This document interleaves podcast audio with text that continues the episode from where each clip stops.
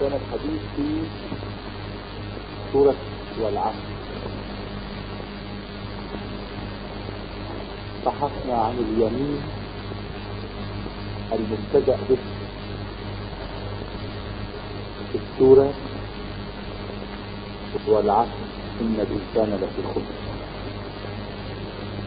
وليه اليمين تعلق بكلمة العصر.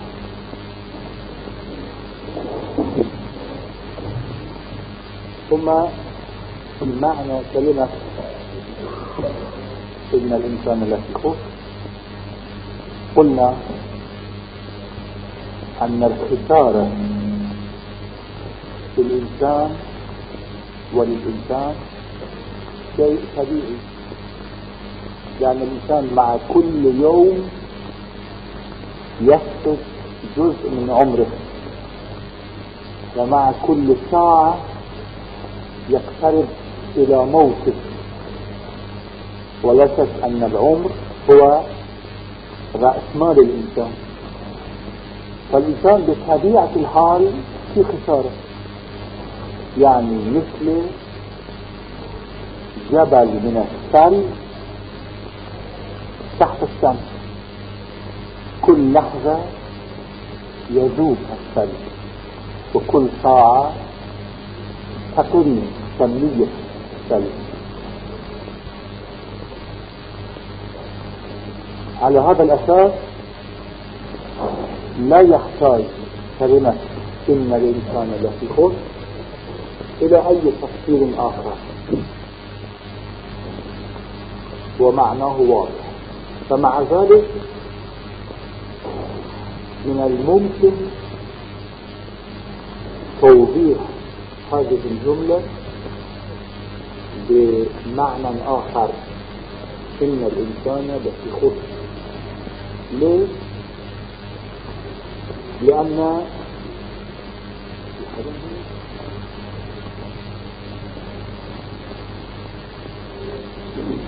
إن الإنسان لفي خسر ممكن نعطيه معنى آخر وهو أن الإنسان حينما يولد يولد على الفطرة. والفطرة فطرة الإنسان مخلوقة على الخير. يؤكد هذا القرآن الكريم في آية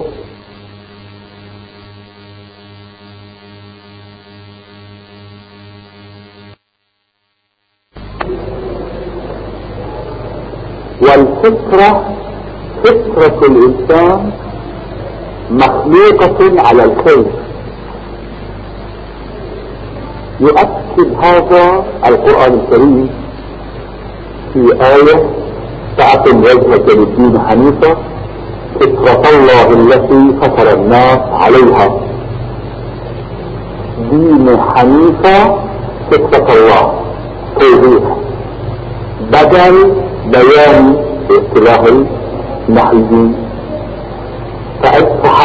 ففي الحقيقة فطرة الإنسان خلقة الإنسان صنع الإنسان على الدين الحنيف. يعني مستقيم سليم يحب الخير يكره الشر يسلك سبيلا صالحا في الآيات الأخرى صبغة الله ومن أحسن من الله صبغة هذا المكنة الإلهية التي نسميها الإنسان. مثل المكائن تبع الشركات. كل مكنة إلى لون وإلى هيئة وإلى موديل. المكنة الإلهية التي اسمها الإنسان. الله سبحانه وتعالى خلق له موديل. الموديل الصبغة أحسن صبغة صبغة الله ومن أحسن من الله صبغة وفي مكان ثالث فتبارك الله أحسن الخالدين حينما يأتي القرآن الكريم على كلمة ثم أنشأناه خلقا آخر يعني وقت يكتمل الخلق الإنساني يقول الله تبارك الله أحسن الخالقين. المفهوم من هذه الآيات أن الإنسان بحسب الفطرة سليم وصار وطيب. وهذا رأي فلسفي لأن هناك فلاسفة يقولون أن الإنسان مقصور على الصار. هناك فلاسفة يقولون الطفل مقصور على الصار ومجرم بالأصالة. آراء فلسفية معروفة. في هذا العقد القرآن الكريم يؤكد أن الإنسان مقصور على الخير. والروايات تؤكد هذه الحقيقة فأن الإنسان خلق صالحا خلق مستعدا للكمال في كل جانب. فإذا في اليوم الأول الإنسان كان صالحا خيرا بالذات ولكن بالقوة. طبعا الإخوان الذين درسوا المنطق يعرفون معنى القوة. القوة مقابل الفعل. الشجرة شجرة بالفعل ولكن البذرة شجرة بالقوة. أوكي؟ البذرة شجرة لكن بالقوة يعني تصلح أن تكون شجرة بينما الشجرة هي شجرة بالفعل. هذه البذرة إذا أكدناها بالطرق العلمية فقدت القوة. فقدت هذا الاستعداد الإنسان خير بالقوة.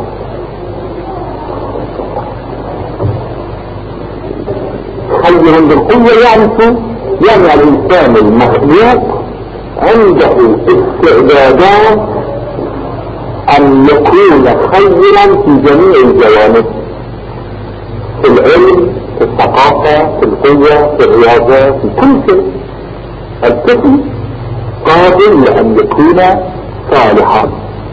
الطفل قادر لأن يكون فسور لأن يكون أنستاين لأن يكون مجرم كبير أو صالح كبير أو عالم كبير الطفل قادر لكل شيء. هذا الرأي مقبول من قبل العلم الحديث. كما قلنا في مقدمة العقائد أن علماء تاريخ الأديان يقولون أن الإنسان يعرف الدين بفطرته لا أن الدين عقدة نفسية أمام الخوف والعزم هذا بحث آخر. يعني ما قلته وما نسمعه من القرآن الكريم. حول صلاحية الإنسان وكمال الإنسان الفطري وكونه عنصرا خيرا؟ هذا الشيء يؤمن به العلم الحديث أيضا كما نبحث في مكان آخر. فإذا الإنسان الأصلي المولود طيب. حينما يعيش إذا ما سلك الطريق الذي فيه شروط أربعة إلا الذين آمنوا وعملوا الصالحات وتوصوا بالحق وتوصوا بالصبر غير الإنسان ذي الشرائط الأربعة غير هؤلاء. الإنسان غير المؤمن أو غير الصالح أو غير المتواصي بالحق أو غير المتواصي بالصبر. هذا الإنسان حينما يسلك سبيل الحياة يفقد الشيء الكثير من الاستعدادات الطبيعية. من باب المثل الترابة والحديد الموجودة في هذا الأرض. إذا أعطيناهما مهندس خبير يعمل من الترابة والحديد بماذا حلوة بينما إذا اعطيناها أعطيناهما لمهندس غسيل يكسب البناية يعمل بناية غير صالحة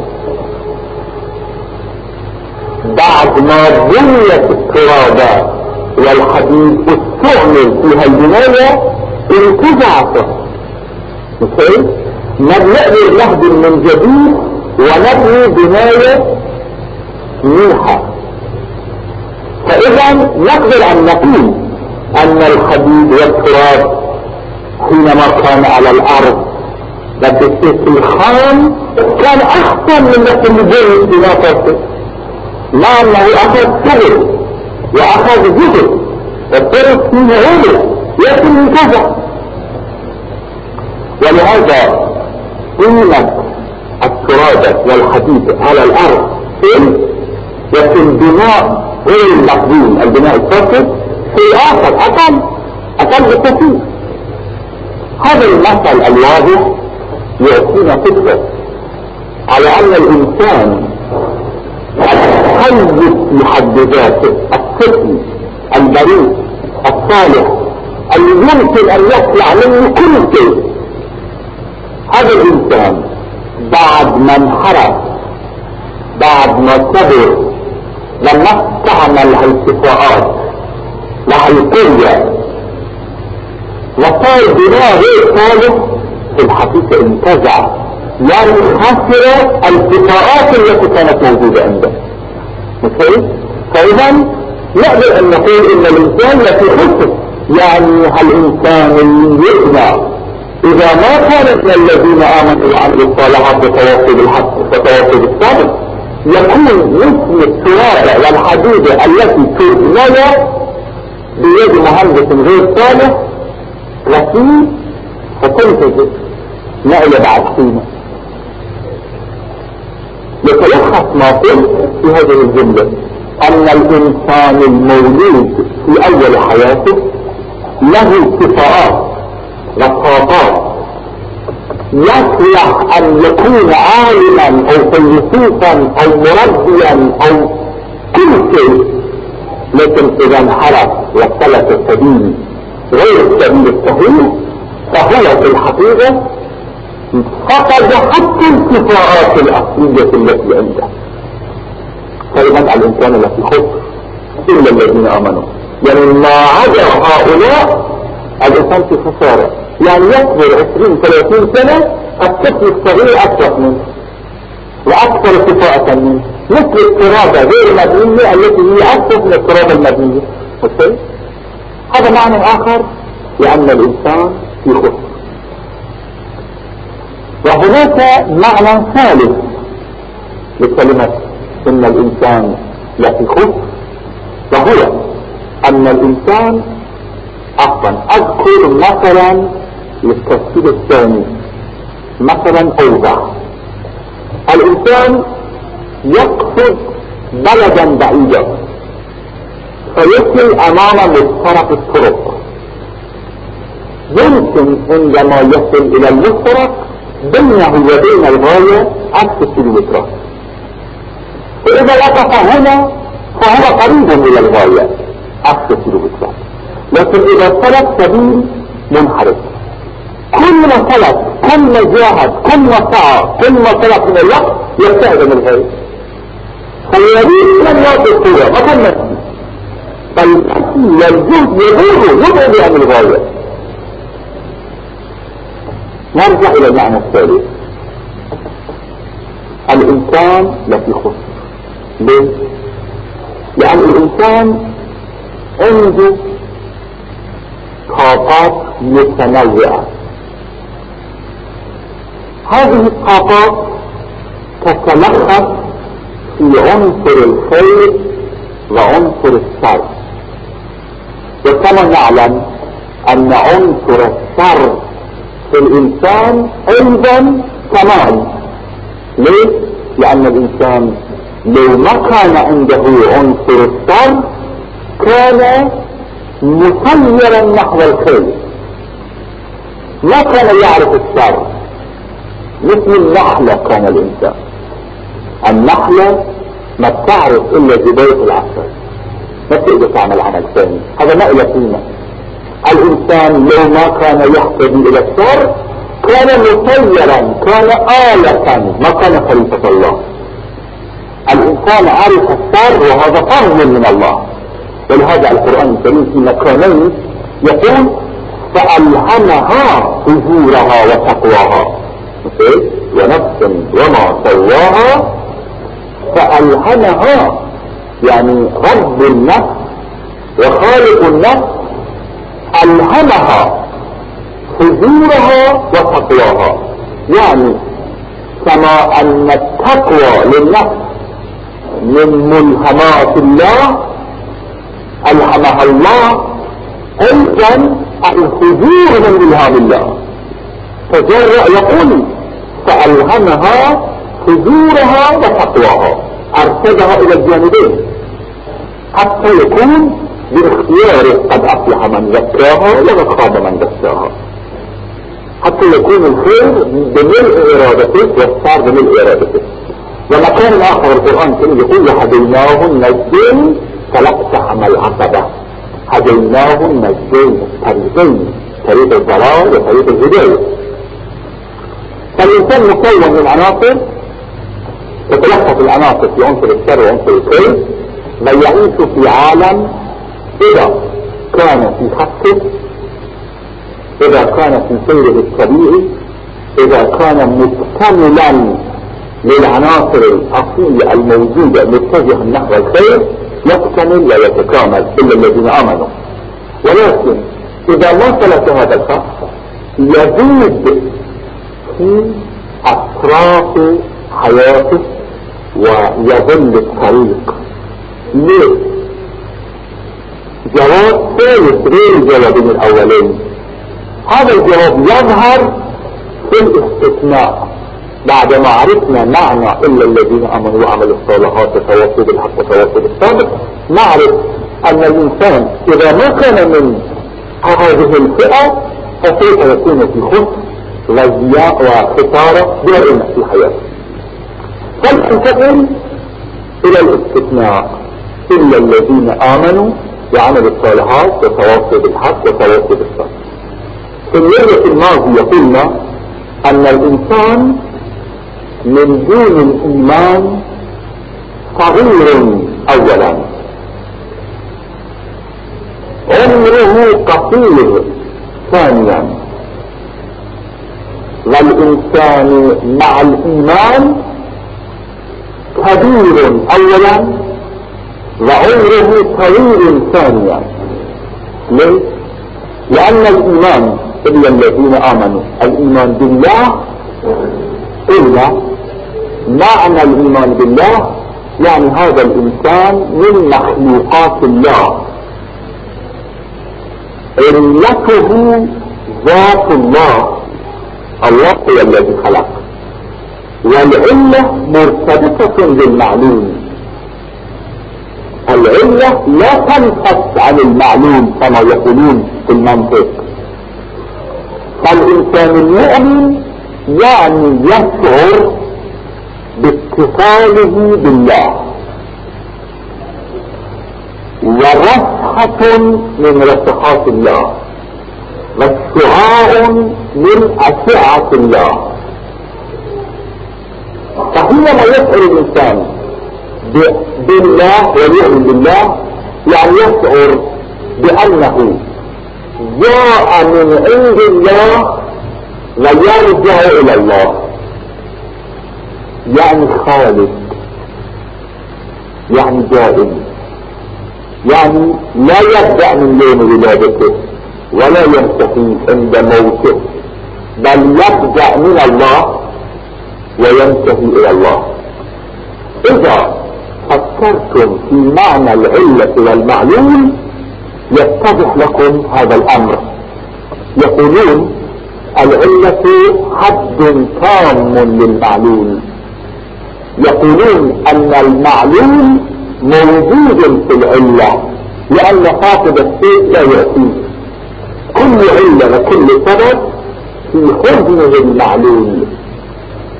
والمعلوم ينبثق من العلة. لا اريد أن أدخل في هذا البحث. لكن أقول المعلول موجود في العلة. بشكل إجمالي حسب ما بيقولوا الفلاسفة. فإذا الإنسان مع الله خالق. منه وإليه دائم. الموت مرحلة من مراحل حياته.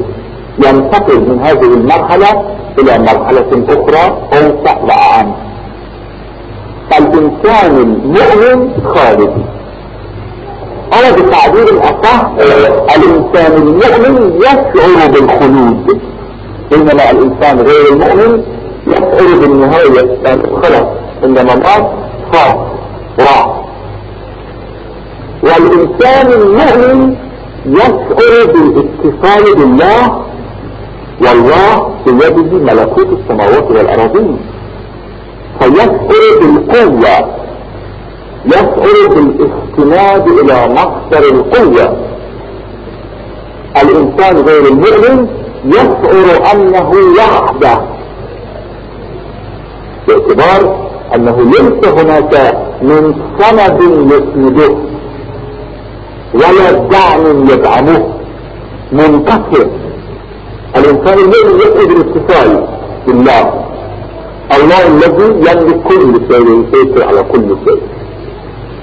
هذا نقطتان الخلود والقوة. بينما غير المؤمن يشعر بالانقطاع وقصر العمر ويشعر بالضعف.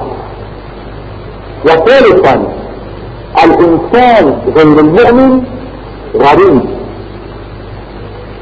والإنسان المؤمن مش غريب ليس غريب بأي وسيلة غريب؟ الإنسان المؤمن يجد نفسه وسائر البشر وكل ما في الكون معلومات لخالق واحد فهو جزء من قافلة جزء من موكب جزء من مجموعة ليس هو وحده مخلوقا. وإنما هو جزء من المخلوقات لخالق واحد. فهو الذي خلقني خلق غيري وخلق الشمس والقمر والنجوم. وخلق جميع هذه الأشياء من منبع واحد. ولأجل هدف واحد يعطيني الشعور بالتجمع مع الكون. لست غريبا. في العالم. إذا كنت مؤمنا. بل أشعر بالالتزام مع مجموعة الكون ومع مجموعة العالم. وبالنتيجة أشعر بالالتزام مع الكون ومع العالم. هذا البحث الذي ذكرناه في أول يمين بأنه حسب التعبير القرآني وحسب الواقع العلمي جميع الموجودات يؤدون دورهم الطبيعي بإتقان. وهذا المعنى يسميه القرآن السجود فالإنسان في خطه وفي حياته يشعر بأنه هو يسجد لله فالسماوات والأراضين ينسجمون معه في هذا السير وفي هذا الخط. فإذا أنا ومن حولي؟ وما حولي؟ منبثقين من إله واحد. نؤدي الدور الكوني في مسرح كبير في قافلة كبيرة كل يؤدي دوره. هذا الشعور يرفع عني اليأس والإحساس بالغربة والإحساس بالضعف. فإذا إلا الذين آمنوا ليس الإيمان أمرا تجريبيا في النفس لا يعكس على ذاتي وعلى نفسي وإنما أمر يعكس على تفكيري وإحساسي. وعمل الصالحات. العمل الصالح أولا نتيجة للإيمان لأن الإيمان الحقيقي يعني الشعور بالارتباط يجعل لي منهجا يختلف عن منهج غير المؤمن.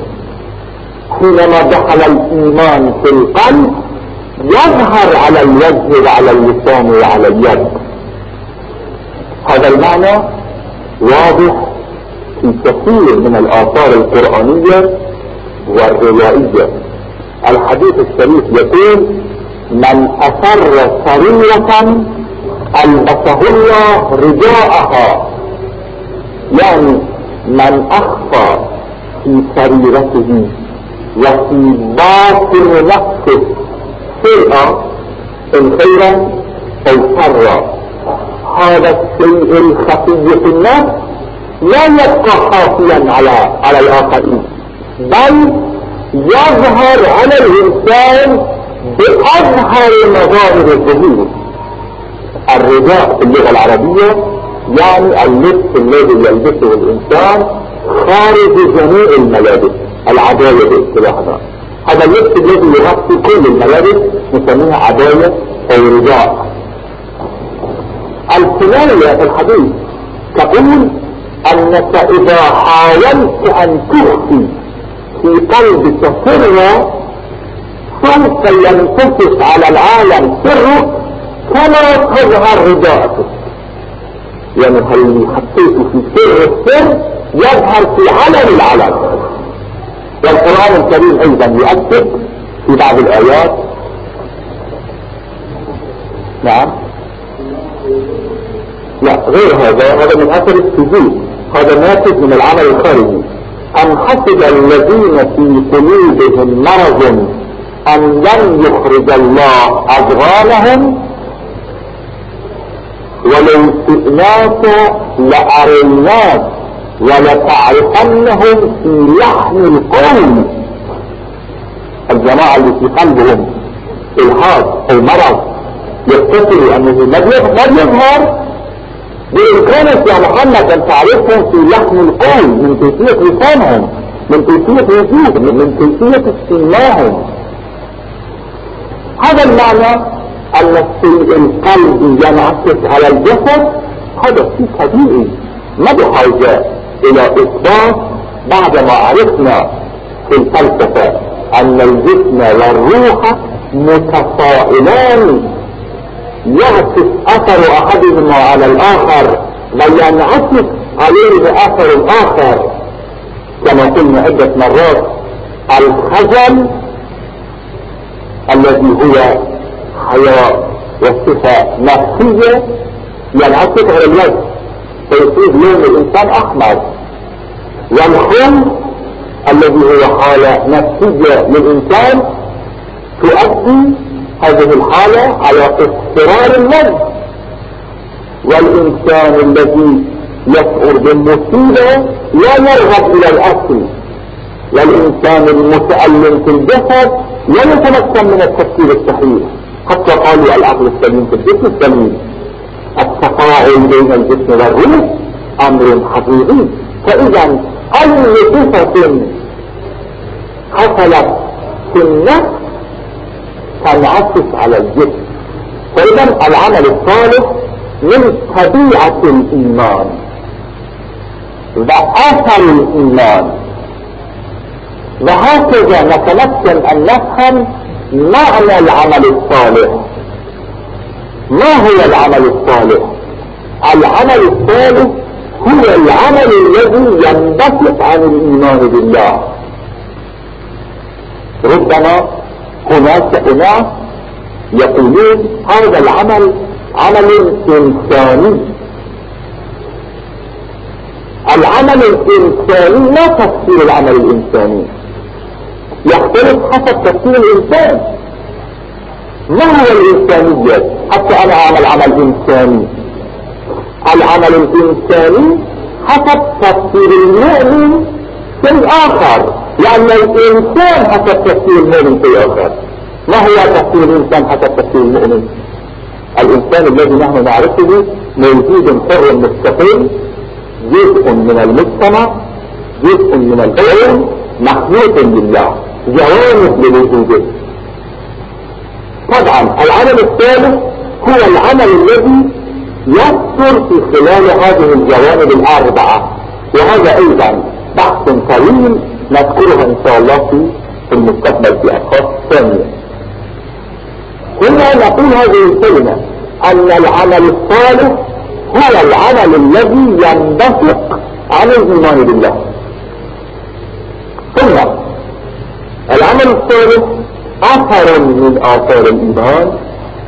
وفي نفس الوقت ضمانة للإيمان. لأن الإنسان إذا آمن وما مارس عمله الإيمان يضعف ويذبل وهذا من طبيعة الصفات النفسية. الإنسان الخائف إذا مارس الفحش وتجنب عن ما يخاف. يتروك أو عدو أو سارق أو كثيرا ومارس خلقه خذوا للسد بينما إذا ما مارس خوفه لدخل فيما يخاف عنه كما أن الإنسان الذي يخاف من الظلام مشى في الظلام. الإنسان الذي يخاف من السارق مشى وما وما ما ما اعتنى بالسارق أو بالعدو أو أمثال ذلك. الخوف لا تعد عنده. كلما مارست شيئا يقوى سببه الإيمان لا يختلف عن هذا الحكم. كلما مارست وجئت بنتائج الإيمان إيمانك يقوى. الإنسان المؤمن إذا ما صلى مع كل فرق صلاة يدعو إيمانه درجة. ومع كل صلاة يقوى إيمانه درجة. مش الصلاة أي عمل قدر على الإنسان مخلصا لله يقوي إيمانه وأي عمل قدر الإنسان لا لله يضعف إيمانه. فإذا الإيمان والعمل الصالح بينهما تفاعل الإيمان. صدر العمل والعمل ضرر للإيمان. وتواصل بالحق وتواصل بالصبر قلنا أن الإنسان جزء من المجموعة وإذا كان مع المجموعة لكان هناك تواصي يقوى ويبقى.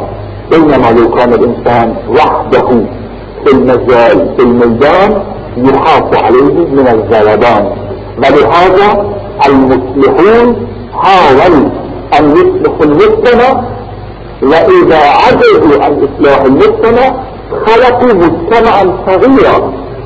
خلقوا أصدقاء خلقوا حزب خلقوا كتلة خلقوا جمعية خلقوا معهد. حتى يعيشوا فيها الكتلة متواصلين كل ينصح الآخر وإلا الإنسان يدوب وهو في خسر. إنما جاء إلى معنى الخسر المعنى الثالث في الخسر. الإنسان إذا كان وحده هذا الانفراد يشكل عليه خطر خطر عميق. قل من يتمكن أن يتهرب من خطر الانفراد والتخرج لأن الإنسان عند الانفراد يذوب والإنسان عند الانفراد حتى لو كان مطاعا في خطر الغرور. ولهذا الحاكم وقت المياه لا ولهذا الحاكم وقت المياه لا يتساور لا يقبل نصيحة الآخرين. لا يسمع لكلام الآخرين. ينحرف يغفر يشعر بالغرور.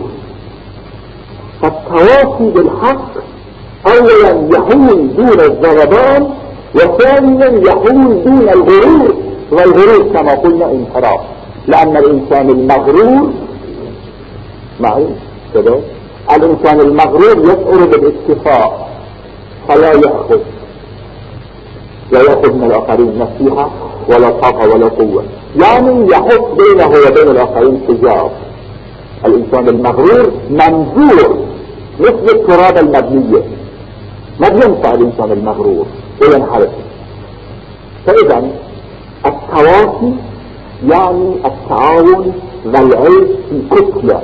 وهذا من واجبات المؤمن في أي عصر لا يمكن للإنسان المؤمن أن يسلك سبيله وحده. لازم يكون حوله جماعة أو يتكفل داخل جماعة. وإلا يذوب عند الانفراد يذوب أو يكثر تأخذه الغرة فالتواصي واجب بقاء الإيمان وواجب بقاء العمل الصالح. والتواصي بالحق ما في شك.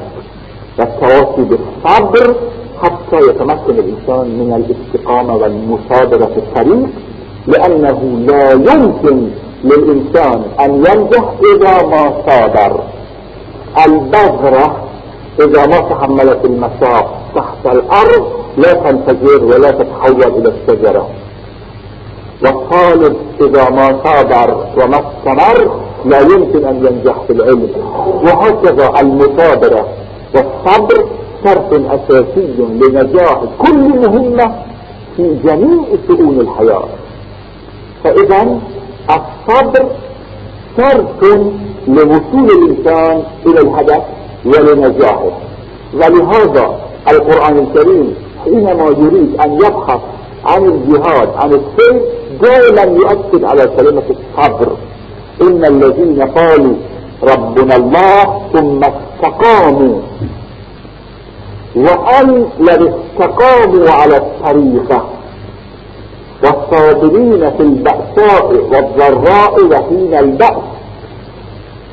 في كثير من الآيات الصبر والوقوف والمثابرة والصمود شرط أساسي للنجاح. بعبارة أخرى العالم المخلوق الذي نحن نعيش فيه عالم الصابرين عالم المجاهدين القتالى والتنابل هؤلاء في معزل من النجاح في الحياة. مبسوطين منه. اللي ما بيصبر وما بيصمد هذا يوقف ويسقط في الطريق. الواصل للطريق هو اللي يصبر لأنه من طبيعة الكون الصبر والصمود والمثابرة هذا الصبر إذا كان تواصي يبقى وإذا كان ما كان في تواصي الإنسان يوم يتحمل مشاق يحصل ما في حدا يسليه ما في حدا يسمع له ما في حدا ينصحه. يوم الثاني ثالث رابع خامس وأخيرا يسقط في الطريق. ولهذا بحاجة إلى من ينصحه ومن يوافيه ويتواصل معه. فإذا الناجح الذي ليس في خسر في هذا العالم هو المؤمن العامل الصالح الذي يعيش مع مجموعة يتناصحون بالحق ويتناصحون بالصبر.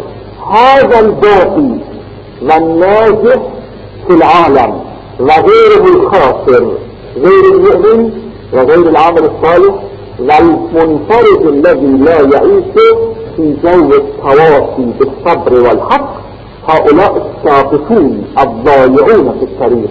أما الباقي هو من يحمل هذه الشروط الأربعة. خلاصة السورة المباركة أن الإنسان إذا لا يريد أن يخسر عمره يوميا. ولا ينحرف عن فطرته الأصيلة بالخلق. يجب أن يكون مؤمنا حتى يكون كبيرا وخالدا. ويجب أن يكون مؤمنا حتى لا يكون منفردا غريبا غير منسجم مع العالم. ثم يجب أن يعيش في جماعة تسمعون؟ يا شباب. يجب أن يعيش الإنسان في جماعة التفرد في أي خط وبأي مركز حتى على مركز القيادة التفرد يشكل خطرا على الإنسان. يجب أن يتواصي مع الآخرين يأخذ ويأتي وإلا يزيد ويغتر وفي كل الحالتين ينحرف ويسقط في الطريق ولا يوصل. هذه خلاصة من هذه السورة المباركة العظيمة التي كان من سيرة أصحاب رسول الله. كما قلنا أنهم حينما يلتقون ببعض وينفصلون عن بعض حتما كان يقرأ أحدهم على الآخرين. هذه السورة المباركة. شعار المؤمنين المجاهدين في حياتهم سورة والعصر ولهذا نحن أيضا نحاول أن نذكر معاني سورة والعصر وإذا فكرنا حتم أن هناك معاني أخرى خارجة من البحث الذي ذكرت لأنه لا يمكن أن نستوعب المعاني العظيمة القرآنية كما تعلمون. نكتفي بهذا المثال ونعتذر من مولانا الأستاذ أحمد. حفظه الله الذي أخذنا من وقته. ونعتذر عن التأثير أيضا من تأثير الأربعاء الماضي. ونرجو الله أن يوفقنا ويوفقكم غفر الله لنا ولكم.